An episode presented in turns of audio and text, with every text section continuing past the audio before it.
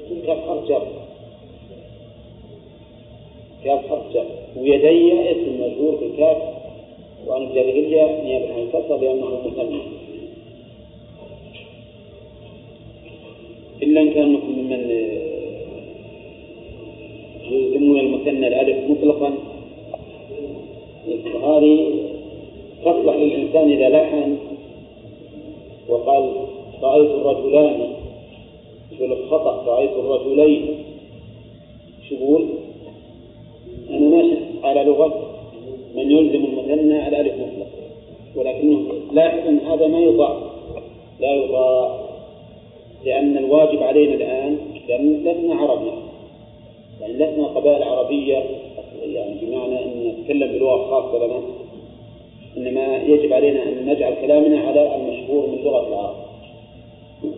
طيب الرابطين الآن أظن هذه كل اللي قرأنا اليوم مفهوم لنا. إذا وغايته يدور على أنه لا يلزم من تماثل الاسمين أو الصفتين أن يكونا متماثلين في الحقيقة بل لكل لكل من المخلوق والخالق ما يختص به من أسماء وصفات. نعم ناخذ الدرس الجديد الآن. اقرأ شوي. إثبات بعض الصفات إثبات لبعض. فأما الأقسام فأحدهما أن يقال القول في بعض الصفات كالقول في بعض. ما عندي الكلام اللي إيه. عندنا فصل فأما الأقسام وأما الثالث احدهما ان يقال. القول في بعض الصفات كالقول في بعض. فإن كان المخاطب ممن يقول لأن الله حي بالحياة عليم بعلم قدير بقدرة سميع بسمع بصير ببصر متكلم بكلام مريد بإرادة ويجعل ذلك كله حقيقة وينازع في محبته وإرادته. ورغبه وكراهته فيجعل ذلك مجازا ويفسره مما بالإرادة ومما ببعض المخلوقات من النعم والعقوبات فيقال له لا فرق بين ما نفيته وبين ما أثبته. بسم الله الرحمن الرحيم آه الأصل المؤلف أراد أن يبين صحة ما عليه أهل السنة والجماعة والمتبعين المتبعون للرسل وبطلان ما عليه أهل البدع المخالفون للرسل. بأصلين ومثلين وخاتمة أما الأصلين انتبه يا خليني شوف اللي وراك ليش أنت ما؟ الأصلين انتبه الآن إذا كان الذي ينكر يقول في بعض الصفات وينكر بعضها. والمؤلف يشير بهذا إلى الأشاعرة. الأشعرية يقولون ببعض الصفات وينكرون بعضا. يقولون إن الله له سبع صفات حقيقية. وما عدا ذلك فليس ليس حقيقة. فنقول لهم القول في بعض الصفات كالقول في بعض. يعني أنه يجب أن نقول في بعض الصفات اللي أنتم تنكرون كما نقول في الصفات التي أنتم تثبتون. نعم وأظن الوقت بذل. نعم.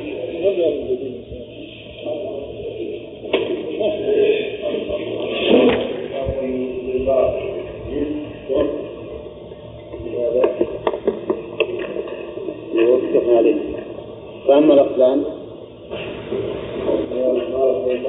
فأما الأقلام فأحدهما يقال القول ببعض الصفات كالقول ببعض فإن كان المخاطب ممن يقول بأن الله حي بحياة عليم بعلم قدير بقدرة سميع بسمع بصير ببصر متكلم بكلام مريد بإرادة تكون لا أبدا تكون ويجعل ذلك كله حقيقة.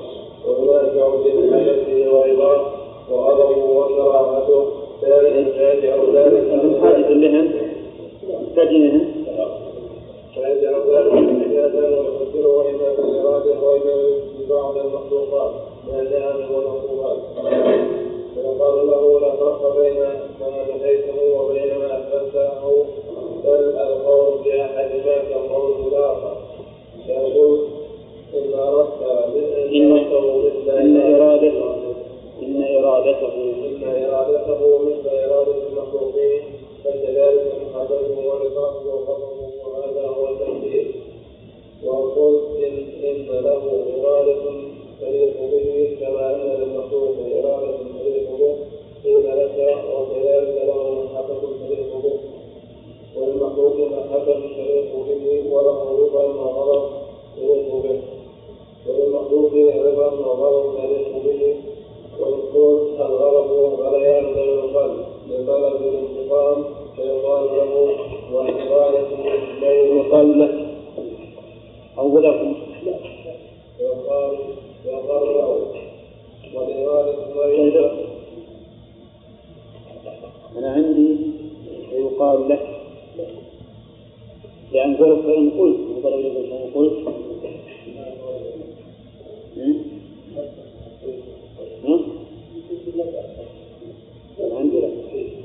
إذا شيء يحطون نصفه إيه أنا عندي يقال لك على كل حال حطه نصف. فيقال لك نعم. فيقال تبدأ والإرادة بين نفسي أجل من لا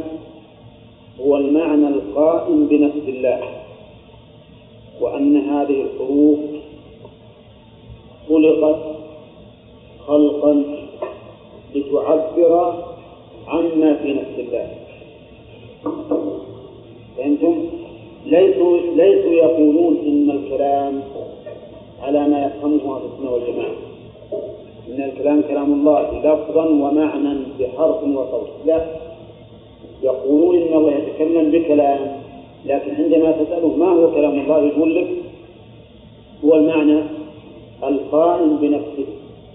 المعنى القائم بنفس الله. وليس هو هذه الحروف والأصوات التي سمعت. وإنما الحروف والأصوات خلقت لتعبر عما في نفس الله. أفهمتم الكلام عند الأشاعرة؟ ما هو الكلام عند الأشاعرة؟ والمعنى القائم بنفسه دون هذه الحروف. ودون الأصوات التي الصوت الذي سمعه جبريل ونزل به على محمد فهذا الصوت الذي سمعه جبريل وهذه الحروف مخلوقة لتعبر عما في نفس الله. طيب هذا التفصيل الكلام ليس بصحيح وأظن هذا مر عليكم وأنتم في الثانوي. مر عليكم هذا ليس بصحيح. نعم ولا يمكن أن يفسر الكلام به. إنما على كل حال هم يقولون إن الله متكلم بالكلام ويثبتون هذه الصفات السبع يقول المؤلف رحمه الله ويجعل ويجعل ذلك كله حقيقة وينازع في محبته ورضاه وغضبه وكراهيته فيجعل ذلك مجازا يعني بقية الصفات اللي غير السبع عند الأشاعرة في الحكم من باب المجاز وليست حقيقة. يعني أن الله لم يتصف بها حقيقة وإنما هي مجاز. ويفسر ذلك بأي شيء؟ يفسره إما بالإرادة وإما ببعض المخلوقات من النعم والعقوبات. يعني مثلا عندما يأتي إلى تفسير المحبة يقول المحبة من صفة ثابتة لله. لا الله مو بصفة ولكن معنى المحبة الإثابة الثواب ولهذا تجدون في الجلالين يحبهم ويحبون قد يثيبهم فيفسر المحبة بالثواب الثواب كما يقول المؤلف رحمه الله يفسر مخلوق ولا غير مخلوق؟ الثواب مخلوق. الثواب مخلوق. فيفسرون هذه الصفة المحبة ببعض المخلوقات يعني بأن شيء مخلوق. أو يفسرون المحبة بالإرادة لأنهم هم يثبتون الإرادة. فيقول معنى يحبهم يعني يريد ثوابهم. الغضب وش الغضب عند الأشاعرة؟ الغضب لا يفسرونه بالغضب حقيقة. يقول المراد بالغضب الغضب الانتقام. بالعقاب مثل ما قال المؤلف من من النعم والعقوبات. يفسرونه بالعقاب. أو يقولون الغضب إرادة الانتقام. إرادة الانتقام. فيفسرونه بالإرادة. فصار هؤلاء الأشاعرة لهم فيما نفوه من الصفات طريقان. يعني اتفقوا على أنه مجاز لكن لماذا تفسر؟ إما بالإرادة وإما بشيء مخلوق. إما بإرادة وإما بشيء مخلوق. الإرادة هي الصفة الإرادة. إرادة الله للشيء صفة. لكنهم يفسرونه بالإرادة لأنهم يثبتونه. يثبتون هذه الصفة حقيقة. ويقولون إن الله مريد بإرادة حقيقية. لكنه ليس ليس يغضب بغضب حقيقي طيب وش معنى يغضب؟ يعني ينتقم إن فسروه بشيء مخلوق أو يريد الانتقام إذا فسروه بالإرادة أفهمتم يا جماعة؟ هذه طريقة الأشاعرة إذا طريقة الأشاعرة بالنسبة للصفات يثبتون لله سبع صفات حقيقية والباقي يجعلونه مجازا ما هو سبيل المجاز عندهم؟ إما أن يفسروه بالإرادة وإما بشيء مخلوق. وإما بشيء مخلوق. واضح؟ ونحن ضربنا مثلا بالرضا والغضب. أو بالمحبة والغضب كل واحد لكن الرضا مقابل الغضب أحسن الرضا وش يقولون رضي الله عنه. ما يقولون الله رضا حقيقي؟ يقولون معنى رضي عنهم أراد إثابتهم. يكون بالإرادة. أو أنه أثابهم. أو أنه أثابهم. مفهوم؟ عندما يفسرون الغضب وش يقول بالغضب؟ الغضب ليس غضبا حقيقيا. لأنهم لا لا, لا يقرون بأن شيئا من صفات الله الحقيقة سوى هذه الصفات السبع فيفسرون الغضب إما بالانتقام اللي هي العقوبة وإما بإرادة الانتقام. والإرادة يثبتونها الحقيقة نعم.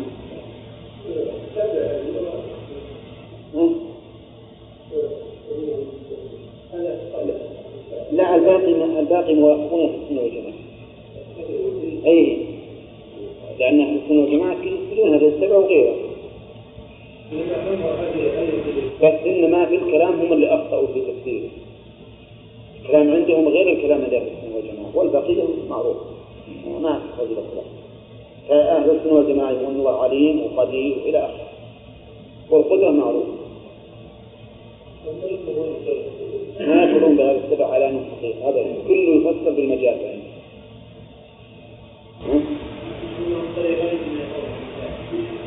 هذا الطريقين. إما أن يفسر بالإرادة بإرادة الشيء أو بالشيء المخلوق المؤلف ذكرنا يا جماعة شوف. يقول ويفسرونه إما بالإرادة وحده وإما ببعض المخلوقات من النعم إن كان الشيء محبوبا أو العقوبات إن كان الشيء مكروها واضح يا جماعة خلينا نمشي. زين. فيقال له لمن؟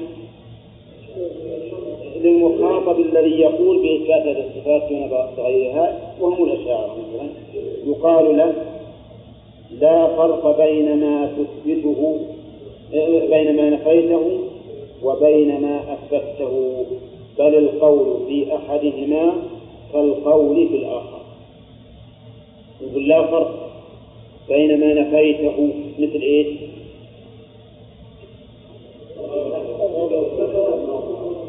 كالمحبة والغضب والكراهة والرضا إلى آخره. ما عدا السبع. ما عدا السبع صفات. وبين ما أثبته السبع صفات. لا فرق بينهما. طيب. بل القول في أحدهما كالقول في الآخر. إثباتا أو نفيا. طيب. فإن قلت إن إرادته مثل إرادة المخلوقين فكذلك محبته ورضاه وغضبه وهذا هو التمثيل يقول أنت الآن أيها الأشعري مثلا تثبت الإرادة يقول نعم ولا لا؟ ها؟ يقول نعم يقول طيب هذه الإرادة أنت إن جعلتها مثل إرادة المخلوقين فإننا نقول أيضا غضب ومحبة ورضا وكراهة كلها أيضا من جنس صفات المخلوقين وحينئذ نقع نحن وأنت وشوفوا بالتمثيل. وأنت لا تقر بالتمثيل ونحن كذلك لا نقر بالتمثيل. مفهوم هذا؟ طيب. و... وإن قلت إن له إرادة تليق به كما أن للمخلوق إرادة تليق به قيل لك وكذلك له محبة تليق به وللمخلوق محبة تليق به وله رضا وغضب يليق به وللمخلوق رضا وغضب يليق به. ولا لا؟ فصار الآن يلزم فيما أثبت؟ مثل ما يلزم. فيما نفى لأن القول واحد. فإذا قلنا له أنت الآن تثبت لله إرادة مثل إرادة المخلوقين إذا قال نعم اثبت ذلك من إرادة المخلوقين قلنا نعم قلنا إحنا أيضا نثبت مثلك محبة تماثل محبة المخلوقين. فنقع نحن وأنت في التمثيل. وإن قلت لا أبدا حاشا لله أن تثبت إرادة تشبه إرادة المخلوق. بل أقول له إرادة تليق به. نعم؟ وله كلام يليق به. وله سمع يليق به. وله قدرة تليق به. إلى آخر قلنا له نحن وكذلك له محبة تليق به وغضب يليق به و وكل شيء من الصلاحيتين تنفي تليق به. رحمك الله. طيب. قيل وله قيل لك وكذلك له محبة تليق به. وللمخلوق محبة تليق به. وله رضا وغضب يليق به. وللمخلوق رضا وغضب يليق به. فإن قلت الغضب غليان دم القلب لطلب الانتقام. نعم إذا قلت الغضب غليان القلب لطلب الانتقام. نعم. فهذا صحيح أن القلب يغلي ولهذا يفور الدم وتحمر العين ويقف الشعر. وكما قال النبي عليه الصلاة والسلام الغضب جمرة يلقيها الشيطان في قلب ابن آدم. فهي حرارة يفور الإنسان منها. أليس كذلك؟ هذا هو الغضب. لكن هذا غضب من؟ غضب المخلوق. نقول له أيضا والإرادة ميل النفس إلى جلب منفعة أو دفع مضرة الإرادة ميل النفس إلى جلب منفعة أو دفع مضرة نعم. أريد مثلا أن أدرس في الكلية أدرس لأي شيء؟ لجلب منفعة أريد أن ألبس ثوبا أتدفى به عن الضر هذا لدفع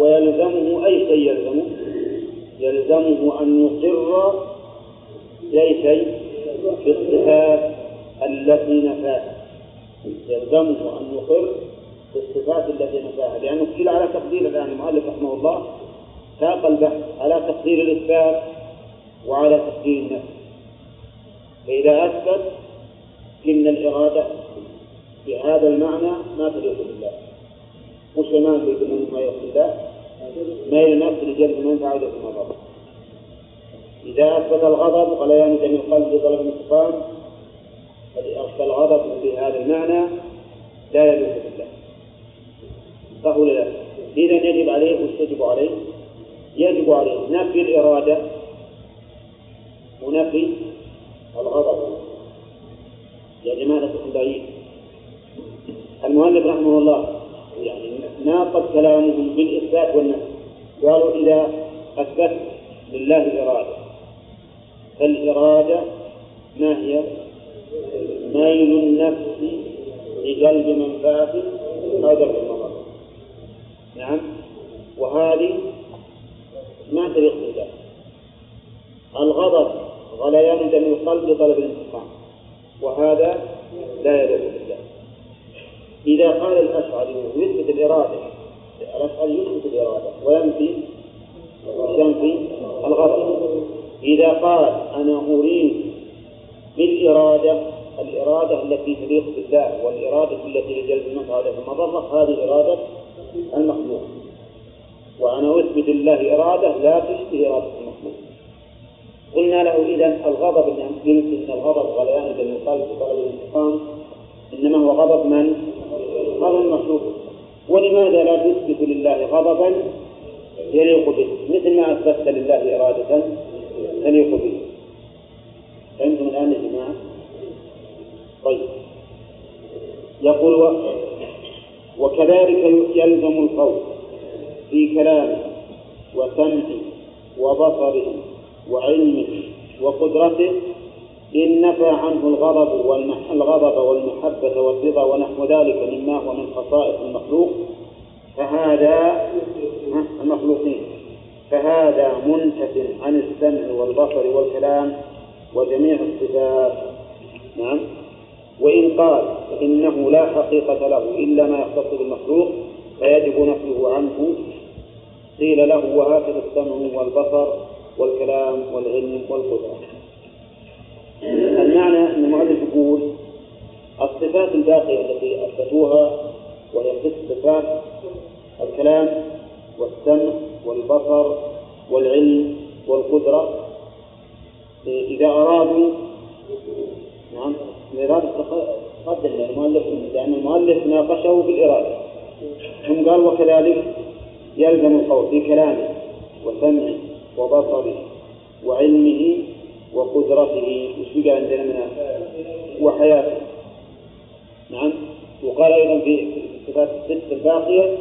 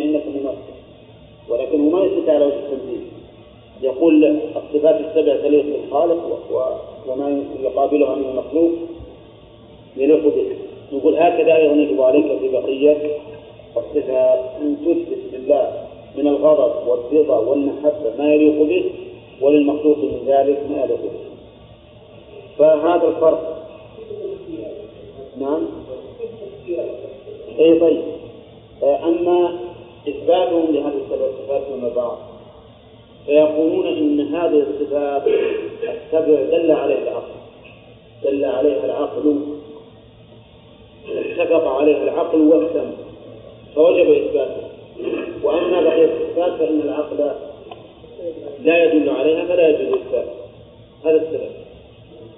نعم. ولذلك هم يرون تحكيم العقل في باب الصفات.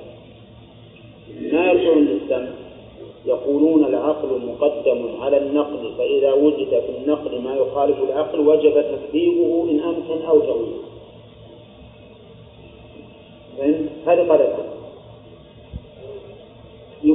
الحياة لازم العقل يدل على حد الخالق لا يمكن خالق وهو ميت السمع والبصر يدل أيضا عليه العقل. لأن ربا لا يسمع ولا يبصر ما يصح أن يكون ربا. ولهذا قال إبراهيم لأبيه يا أبت لما تعبد ما لا يسمع ولا يبصر. القدرة أيضا دل عليه العقل. لأن ربا ليس بقادر لا يصح أن يكون ربا. ولهذا ينفي الله تعالى ألوهية ألوهية معبود المشركين بأنهم لا يقدرون على شيء ولهذا قال إبراهيم ولا يغني عنك شيئا. نعم. الكلام لا يمكن رب أن يكون رب بدون كلام لأنه كيف يبلغ وحيه إلى خلقه وما يريد من خلقه إلا بطريق الكلام؟ والإرادة أيضا يقولون نحن نشاهد المخلوقات. تتبدل وتتغير ولا يمكن أن يكون الخالق يبدلها ويغيرها إلا بإرادة. إذ لا مكره له فهم يقولون هذه الصفات السبع دل عليها العقل. فيجب إثباتها. وغيرها لا يدل عليه العقل فلا يجوز إثباتها. نحن نقول لهم فيه من الصفات ما انقسموا وقد دل عليه العقل. دلالة قطعية الرحمة مثلا يثبتون لله رحمة ولا لا؟ ها؟ ما يثبتون لله رحمة يقولون الرحمة هي إرادة الإحسان أو هي الإحسان فأنتم يفسرون بالإرادة ولا بالفعل؟ طيب الرحمة أليس في العقل ما يدل عليها؟ ألسنا نجد أن الله يكشف السوء وأن الله يكشف الخير وش أسباب هذا؟ أليس هي الرحمة؟ إي نعم وعلى هذا فقط فنحن نقول لهم التي نفيتم وزعمتم أن العقل يدل عليها هي أيضا يدل عليها العقل بل إن دلالة العقل على بعضها أقوى من دلالته على ما أثبتم قال فهذا المفرق بين بعض الصفات وبعض يقال له فيما نفاه كما يقوله هو لمنازعه فيما أثبته رحمه الله. من المنازع؟ المنازع يعني في الإثبات. اللي ينازع في الإثبات. لأن في ناس الآن في ناس غير الأشاعرة أشد منهم. يقول جميع الصفات ما تثبت لله كل الصفات ما يجوز إثبات لله كما مر عليكم في أول الكلام. فإذا قال مثلا الأشعري أنا أثبت لله سمعا. وقال المعتزلي أنا لا أثبت لله سمعا لأن إثبات السمع تمثيل وتشبيه ولا لا؟ وش بيقول هو؟ يقول الأشعري ردا على المعتزلي وش بيقول؟ نعم دل على السمع وأيضا أنا أثبت لله سمعا يليق به أثبت لله سمعا يليق به ولا لا؟ وحينئذ لا تمثيل يقول له أيضا أن نقول لك فيما نفيت من الصفات ونحن نثبتها نقول لك مثل ما قلت أنت لمن؟ للمعتزل الذي ينكر الصفات. لأنك أنت قلت له حجة واضحة. قلت له أثبت لله سمعا ليس كسمع المخلوق. واثبت له قدرة ليست كقدرة المخلوق. واثبت له إرادة ليست كإرادة المخلوق. صح ولا لا؟ طيب نحن نقول لك أيضا مثل ما تقوله أنت. ولهذا يقول المؤلف يقال له فيما نفاه إيش مثال اللي نفاه؟ كالغضب والرحمة مثلا كما يقوله هو لمنازعه فيما أثبت. من منازعه فيما أثبته؟ المعتزلة. فيما أثبته مثل السمع والبصر والحياة والقدرة. أفهمتم هذا يا جماعة؟ إذا الأمر واضح. أنت كأنك ما أنت معنا اليوم. حتى ما ها؟ ها؟ لكنها مؤثرات خارجية طيب الفهم الآن تمام؟ وأظن واضح الحمد لله. فعندنا هذه الفقرة مهمة جدا ودلالة على إلزام هؤلاء بإثبات ما نفوه. دلالتها عقلية واضحة. اتضح لك أنت؟ ها؟ طيب فإذا قال المعتزل المعتزلة ترى أشد من الأشاعرة المعتزلة يقول ليس له إرادة ولا كلام قائم به لأن هذه الصفات لا تقوم إلا بالمخلوقات صار ينكر الصفات السبع اللي اللي مرت علينا قبل قليل ها؟ ينكره لأنه ما يصدق بالصفات يقول سميع لكن ما له سمع وبصير ولا له بصر وما أشبه ذلك. أو يقول هذه أسماء جامدة ما تدل على معاني إطلاقا. آه، فإنه يبين للمعتزل أن هذه الصفات يتصف بها القديم ولا تكون كصفات المحدثات. فهكذا يقول المثبتون المثبتون لسائر الصفات من المحبة وال والرضا ونحو ذلك. نعم. إذا قال المعتزل ليس له إرادة ولا كلام قائم به لأن هذه الصفات لا تقوم إلا بالمخلوقات من اللي بيصير خصم له الآن المعتزلي؟ إيش واهل السنة. الأشعري واهل السنة. كلهم الآن يقومون عليه. كلهم يقومون عليه. آه، يقول المؤلف يبين له أن هذه الصفات يتصف بها القديم والمراد بالقديم الله سبحانه وتعالى. وقد ذكرت لكم قبل قبل أن هذا التعبير من شيخ الإسلام مما يؤخذ عليه. لكنه رحمه الله يقول هذا الكلام في محاجة من يقولون. محاجة من يقولون لا إقرارا له ولكن تنزلا مع الخصم. والتنزل مع الخصم ما في بأس. وإن كان الإنسان لا يقره وقد قرأت عليكم قول الله تعالى أم لهم آلهة تمنعهم من دوننا فما أغنت عنهم آلهتهم التي يدعون من دون الله من شيء لما جاء ربه. بل أبلغ من ذلك اسمع الله يقول آه الله خير أما يشركون. ها؟ هل هناك مقارنة بين الله وبين ما يشركون؟ ولكن تنزل مع الفصل تنزل مع الفصل نقول المؤلف رحمه الله يقول يختصر إلى القديم ولا تكون كصفات المحدثات فهكذا يقول له المثبتون لسائر الصفات من المحبة والرضا ونحو ذلك. نعم. أنا أظن أن المؤلف يريد فإنه يبين يبين الأشعري يبين الأشعري للمعتقد الصفات من المحبة والرضا ونحو ذلك. يقول له لمن؟ للمعتزل وللأشعري أيضا. يقولون لهما في سائر الصفات كما يقول هؤلاء فيما أثبتوه الخلاصة جماعة الآن المؤلف رحمه الله بين لنا الطريق البين على الرد على من يثبت بعض الصفات وينفي بعضها فإن قال تلك الصفات وأثبتها العقل لأن العقل لو تفتح هذه تفتح اللي لا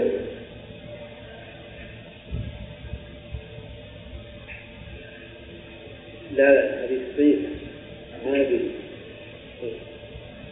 أكثر. لا. تسمي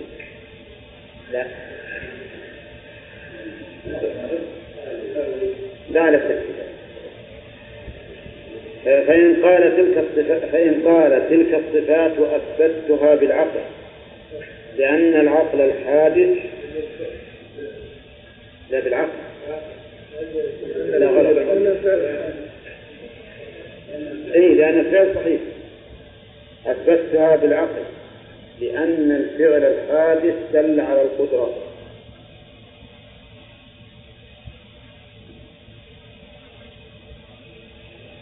لأن الفعل الحادث دل على القدرة والتخصيص دل على الإرادة والإح... و... والأحكام والإحكام عندي بالفتح دل على المشي الآن. وهذه الصفات مستلزمة للحياة والحي لا يخلو عن السمع والبصر والكلام. أو ضد أو ضد ذلك. فإن قال الضمير يعود على من؟ على الأشعري. على الأشعري الذي يثبت بعض الصفات دون بعض. تلك الصفات يعني الثبت أثبتها بالعقل. وجه الدلالة دلالة العقل عليها لأن الفعل الحادث يدل على القدرة. والمراد بالفعل هنا المفعول. المفعول يدل على قدرة الفاعل. لأن من لا يقدر لا يفعل. لما يقدر ما يفعل ونحن نشاهد حدوث المطر نشاهد حدوث الإنسان نشاهد طلوع الشمس غروب الشمس إلى آخره. هذا الفعل الحادث وش يدل عليه؟ على القدرة. أليس كذلك؟ لأن من لا يقدر لا يحدث من لا يقدر لا يحدث والتخصيص دل على الإرادة. يعني تخصيص الشيء بما هو عليه دال على الإرادة. عندما يخلق الله من هذه النطفة ذكرا ومن النطفة الأخرى أنثى. إيش يدل عليه؟ على أنه أراد أن تكون هذه النطفة ذكرا وأراد أن تكون النطفة الأخرى أنثى. ولا لا؟ فالتخصيص يعني تخصيص كل شيء بوصفه يدل على الإرادة. لأنه لولا الإرادة ما كان هذا ذكر وأنثى وهذا أنثى. لم يكن هذا ذكرا وهذا أنثى. فتخصيص المخلوق بما هو عليه دليل على الإرادة. خلاص؟ طيب من فضلك كفر عن الفصل غسل عن الفصل غسل وفيه. إذا طار عن الذنوب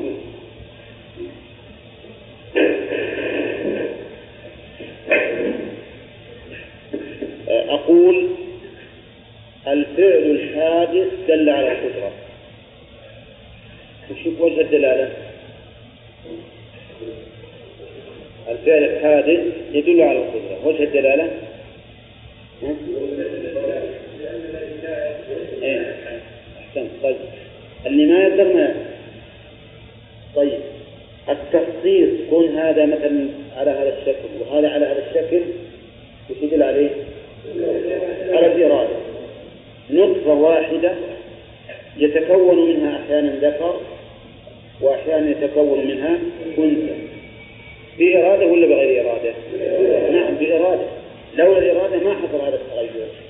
فإذا دل على طيب الإحكام دل على العلم. إحكام الشيء يعني إتقانه ونحن نشاهد الآن المخلوقات محكمة متقنة وجعلنا السماء سقفا مقبورا. هذا الإحكام وش يدل عليه؟ على العلم لأن اللي ما يعلم وشلون يحكم شيء وما يدري؟ ها؟ عندما تصنع أي آلة إذا كان ما عندك علم ما يمكن تحكمها صح ولا لا؟ بل عندما تخرب السيارة تصلحه إذا كان ما عندك علم ها؟ ما تقدر تصلح ما ما تحكمها نعم نعم طيب آه كذلك أيضا هذه الصفات وش الصفات اللي ذكر الآن القدرة والإرادة والعلم مستلزمة للحياة. لأنه ما يمكن يصير عالم أو قادر أو مريد إلا من كان حيا. الميت ما يمكن يصير عالم. ولا لا؟ ما يمكن يصير عالم. الميت ما يمكن يصير قادر. الميت ما يمكن يصير مريد إذا فهو حي. هذه أربع صفات والحي لا يخلو عن السمع والبصر والكلام صح؟ على كل حال آه نحن التعبير الأخير فيه دلالة للعقل أكثر مما قال المؤلف لأن قولها الحي لا يخلو عن السمع والبصر قد ينازع فيه ولا لا؟ قد يكون حي بلا سمع يكون أصم أو أعمى كذلك الكلام ربما يكون أخر لكن نقول إن السمع والبصر دليل على عدم الصلاحية للربوبية ما يمكن يصير وهو لا يسمع ولا يبصر ولهذا إبراهيم عليه الصلاة والسلام وش قال لأبيه؟ تعبد لما تعبد ما لا يسمع ولا يبصر. فلا يمكن أن يكون ربا. فإذا قال بأن الله رب وخالق لابد أن يسمع ويبصر. الكلام لا بد منه للرب. ليش؟ الكلام لا بد لا بد منه للرب. ليش؟ ها؟ نعم ليبلغ ما يريد لخلقه. نحن لا ندري ما يريد الله إلا بواسطة كلامه إلا بواسطة الكلام. لولا أن الله تكلم بالوحي ونزل بها جبريل على الرسل ما ندري وش يبغى منها. واضح؟ على كل حال هذان طريقان في إثبات السمع والبصر والكلام. الطريق الأول ما ذكرناه لكم. والطريق الثاني قولهم إن الحي لا يخلو عن السمع والبصر والكلام أو ضد ذلك. طيب ضد ذلك ضد السمع الصمم وضد البصر العمى وضد الكلام الخرج وهذا لا يليق بالله عز وجل. الله. يعني عقلية جيدة تحتاج إلى انتباه.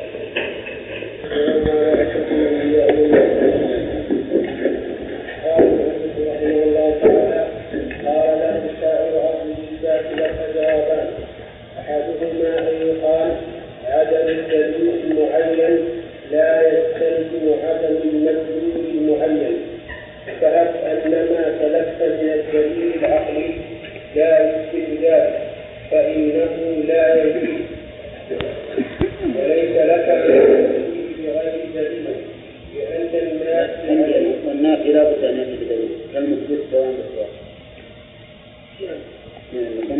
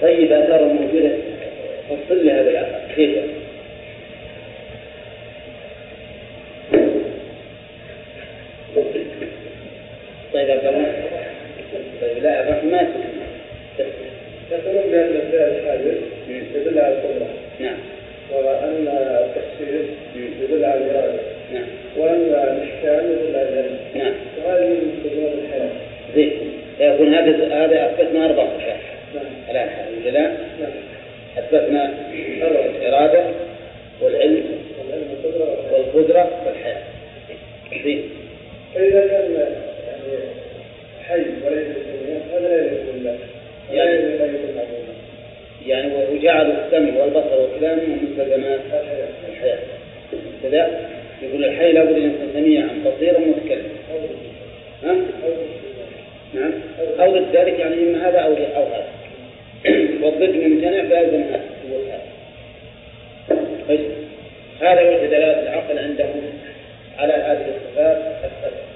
وهذا قلنا فيقولون ما دام العقل دل على إثبات هذه الصفات وجب علينا إثباتها وأما تلك الصفات الأخرى فإن العقل لا يدل عليها وإذا كان لا يدل عليها فإننا لا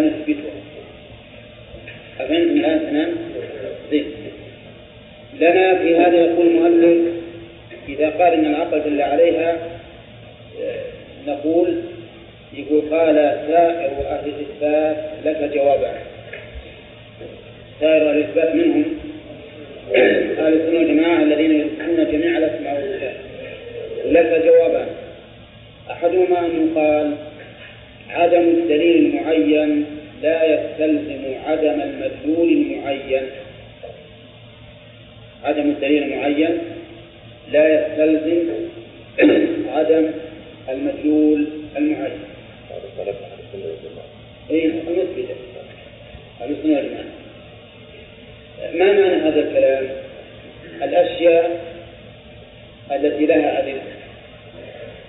إذا علم لها دليل إذا علم من هذه الأدلة دليل واحد هل يستلزم عدم المدلول؟ يعني مثلا إذا فرضنا أن هذا الشيء محرم محرم وله عدة أدلة على إذا انتفى واحد من هذه الأدلة هل نقول إنه الآن صار مباحا؟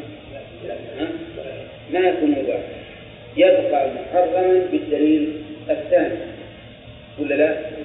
إذا قلنا الصلاة واجبة الصلاة واجبة لأن الله يقول أقيموا الصلاة.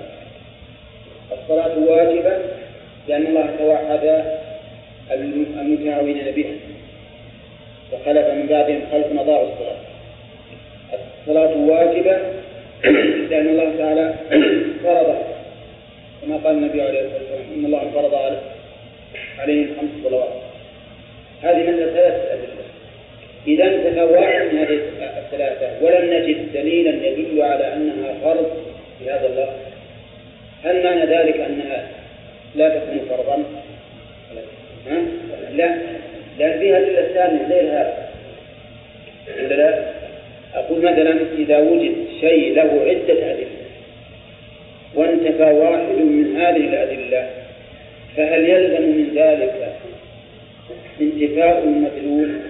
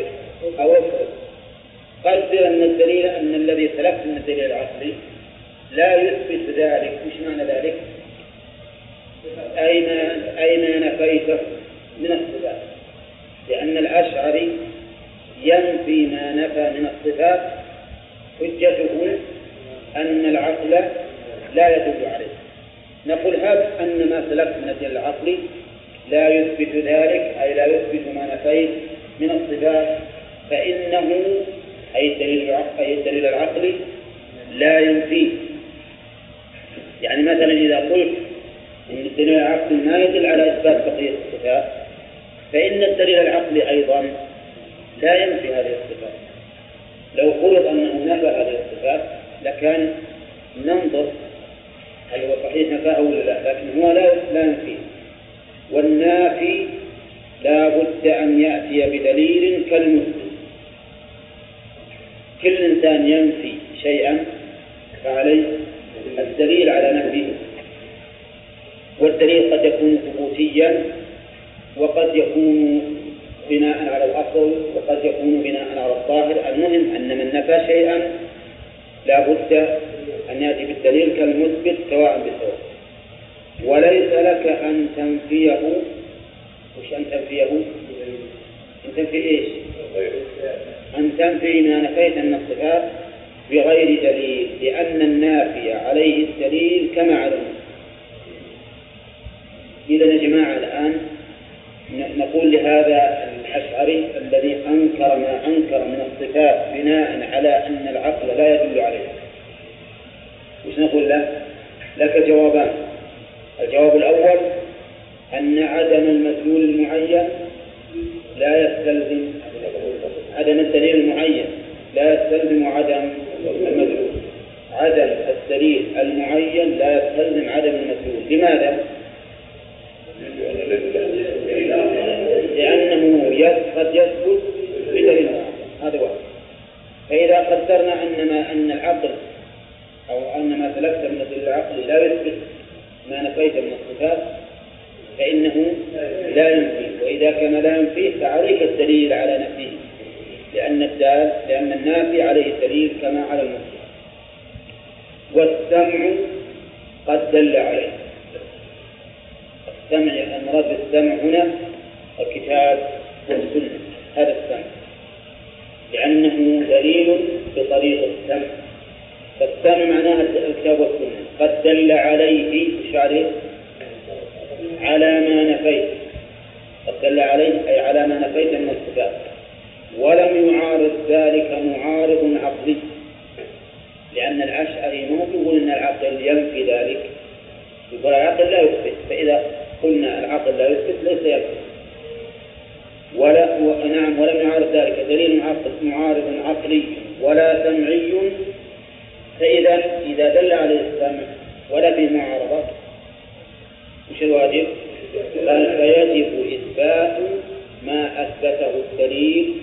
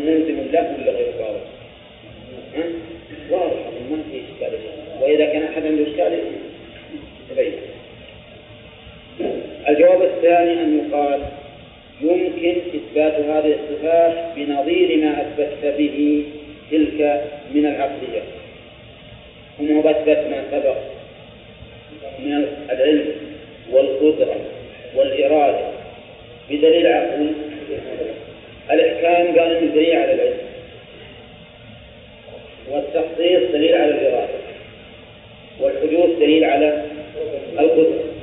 كذا ولا لا؟ أثبت هنا بطريق أخرى. يمكن أن نثبت ما نفى هو من الصفات بأي شيء؟ بدليل عقل أيضا. ونقول له إن قولك إن العقل لا يدل على إثبات ما نفى قول خطأ. وأن العقل قد دل على إثبات هذه الصفات. كيف ذلك؟ فيقال نفع العباد بالإحسان إليهم يدل على الرحمة أليس كذلك؟ الإنسان من الذي يخرج له الزرع؟ من الذي ينزل له الماء؟ من الذي أمده بالصحة؟ الله هذا وش يدل عليه؟ يدل على الرحمة لأنه لولا رحمة الله ما حصلت هذه المنافع ولولا رحمة الله من من دفعت المضار فوجود المنافع واندفاع المضار إيش يدل عليه؟ يدل على الرحمة بلا شك يدل على رحمة الله سبحانه وتعالى بالخلق ولولا رحمته ما حصلت هذه المنافع ولا اندفعت هذه المضار ثانيا نعم كدلالة التخصيص على المشيئة وش دلالة التخصيص على المشيئة؟ الأشعري كما مر استدل بالتخصيص على الإرادة. والإرادة والمشيئة واحد. نعم. وإكرام الطائعين يدل على محبتهم. نعم. نعم.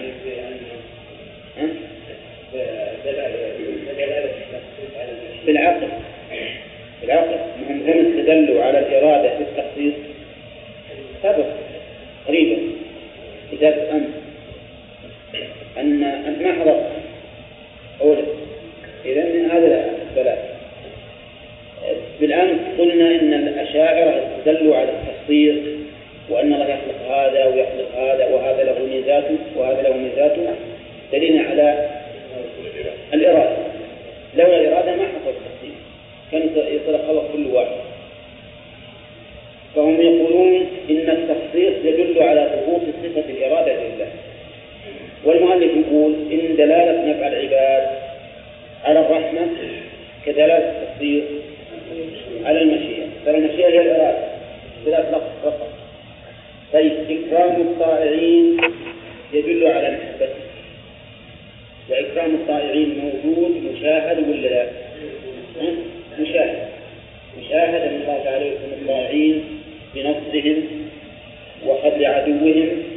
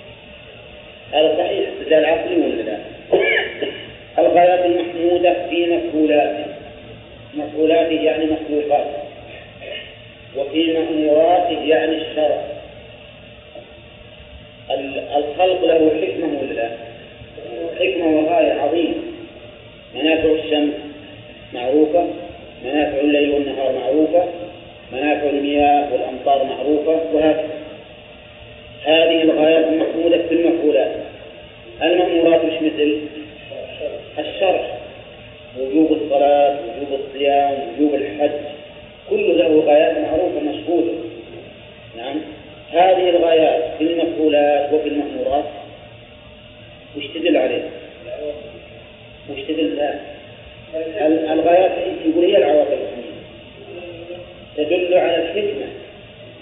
تدل على الحكمة. يعني؟ لأن ما فعل هذا إلا لهذه الغاية. ما فعل هذا إلا لهذه الغاية المحمودة. إذا الغايات المحمودة في مفعولاته بعد وفي مأموراته وش تدل عليه؟ على حكمة. إنه ما فعل شيء ولا شرع شيء إلا لحكمة لأن السفيه يفعل الشيء اعتبارا بدون أن ينظر إلى عواقبه وبدون أن ينظر إلى حاله. لكن الحكيم لا يفعل شيئا ولا يأمر بشيء إلا إلا لحكمة. وكلنا يعرف الغايات الحميدة التي تنشأ من مأموراته ومن مفعولاته وهذا دليل عقلي عليه؟ على الحكمة وأنه سبحانه وتعالى له الحكمة بل الحكمة والرحمة والمحبة والغضب أربع صفات اللي مثلها المؤلف هل يقر بها الأشاعرة ولا لا؟ لا لماذا؟ لأنهم يزعمون أن العقل لا يدل عليه ونحن نقول بل العقل يدل عليه ووجه الدلالة من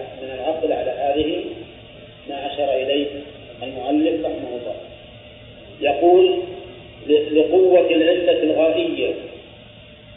مش معنى قوة العلة الغائية؟ يعني قوة دلالته فإن العلة الغائية التي ينتهي إليها المفعول أو المأمور تأثيرها أبلغ من تأثير التخصيص من تأثير الإرادة بالتخصيص أبلغ. ولهذا يقول المؤلف ما كان ما في القرآن من بيان ما في مخلوقاته من النعم والحكم أعظم مما في القرآن من بيان ما فيها من الدلالة على محض المشيئة. صحيح.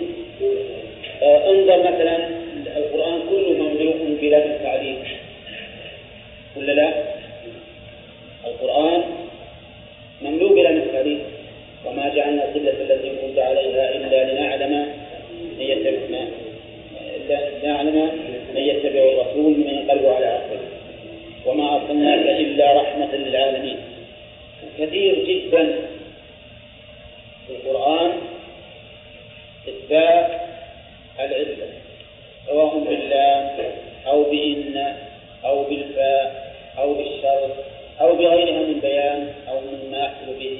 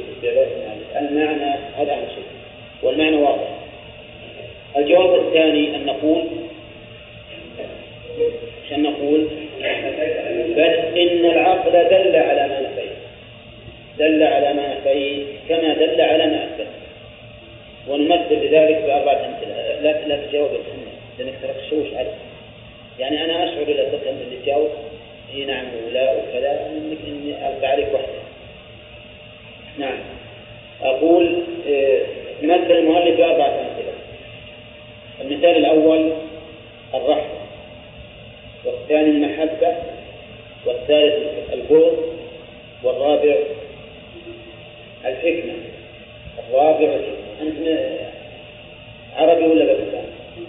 باكستاني أقول الله ذكر أنت باكستاني وأفهم لكلامي من العرب. اللي عندنا الآن كلهم عرب أكثرهم لكن ما شاء الله أنت تفهم أكثر من, من كثير منهم. وهذه من آيات الله. أقول آه يا جماعة مثل المؤلف بكم مثال؟ بأربعة أمثلة. بأربعة أمثلة. وهي الرحمة والمحبة والبغض والحكمة قال المؤلف هذه يعني مثال مو كل صفات هذه الأمثلة هذه الأربعة تنفيها أنت أيها الأشعري مع أن العقل دل عليها. الرحمة دلالة العقل عليها ما نشاهده من من نفع العباد بالإحسان إليهم ودفع الضرر. ولا هذا مشاهد. هذا مشاهد كلنا نعرف ما يجب الله تعالى من النفع للعباد وما يدفع عنهم من الضرر. هذا يدل على إيش؟ الرحمة. طيب. الطائعون يكرمهم الله وإكرام الطائعين معلوم بالمشاهدة والخبر. هذه هذا الإكرام وش يدل عليه؟ على المحبة. هذا الإكرام يدل على المحبة. لأن إكرام من يكرم إما محبة وإما خوف. والله تعالى لا يكرم أحدا بخوف منه أبدا. لازم من هذا أن يكون إكرامه بمحبته. فهذا دليل على إثبات المحبة. عقاب عقاب العاصين. دليل على البغض. لأن الله لو لم ما ما عاقبهم. فهذا دليل عقل على البغض. طيب الغايات الحميدة. الغايات الحميدة يعني معناه الأشياء التي تصل إليها المفعولات والمأمورات. غايات حميدة كل نحمده. تدل على أي شيء؟ على الحكمة. التي لا التي لم يفعل لها هذا الشيء ولم يمر به إلا لحكمة. ولولا أنها دليل ولولا هذه الغاية الحميدة ما أمر بها أو ما فعلها فهذا دليل على حكمة. بل نقول إن دلالة هذه الغايات الحميدة على الحكمة أبلغ من دلالة التحصيل على الإرادة. ليش؟ لأننا نجد أن الله تعالى يذكر هذا في القرآن كثيرا. يذكر الحكم المترتبة على مأموراته وعلى مخلوقاته. بل إن الله ذكر عبارة عامة تشمل كل شيء. وما خلقنا السماوات والأرض وما بينهما لاعبين. وما خلقنا السماء والأرض وما بينهما باطلا. ذلك ظن الذين كفروا. إذا معناه بناء على القاعدتين من الآيتين يقول كل شيء فإنه لحكمة. وليس بباطل ولا ولا لعب أي نعم. يعني معناه أن العلة الغائية الغاية أنها أقوى من دلالة التخصيص على الإرادة. لأن العلة الغائية هذه موجبة. العلة الغائية إذا كانت حميدة موجبة لفعل الشيء. كل إنسان حكيم نعم أو كل حكيم يكون لفعله غاية حميدة. هذه الغاية الحميدة؟ توجب الفعل. توجبه. لأنه إذا تركه مع الغاية الحميدة انتفت الحكمة عنه. هذا معنى قول القوة لله الغائية وإذا انتهينا الآن من الكلام على من؟ على من ينكرون بعض الصفات ويثبتون بعضا وهم الأشاعرة لأن المؤلف المذهب اللي حكى هذا مذهب الأشاعرة قال وإذا كان وإن كان المخاطب ممن ينكر الصفات ويقر بالأسماء كالمعتزلي الذي يقول إنه حي عليم قدير وينكر أن يتصف بالحياة والعلم والقدرة العقل العجيب أنهم المعتزلة يصفون أنفسهم بالعقل. ونبي نشوف هل هم إلى العقلاء أقرب أم إلى مجانين المجانين أقرب؟ نعم. نشوف. المعتزلي ينكر الصفات ما يثبت الله صفة أبدا. ما يمكن يثبت الله لا حياة ولا علم. ولا قدرة ولا وجود ولا كلام ولا إرادة ولا شيء. كل الصفات ينكرها لكن ينكر بإيش؟ بالأسماء يقول الله حي الله حي. لكن ينكر أن يتصف بالحياة. حي بلا حياة. كذلك أيضا لا يقول أيضا عليم يقول الله عليم لا شك. لكن بلا علم. نعم. يقول الله قدير لكن بلا قدرة. نتصور هذا؟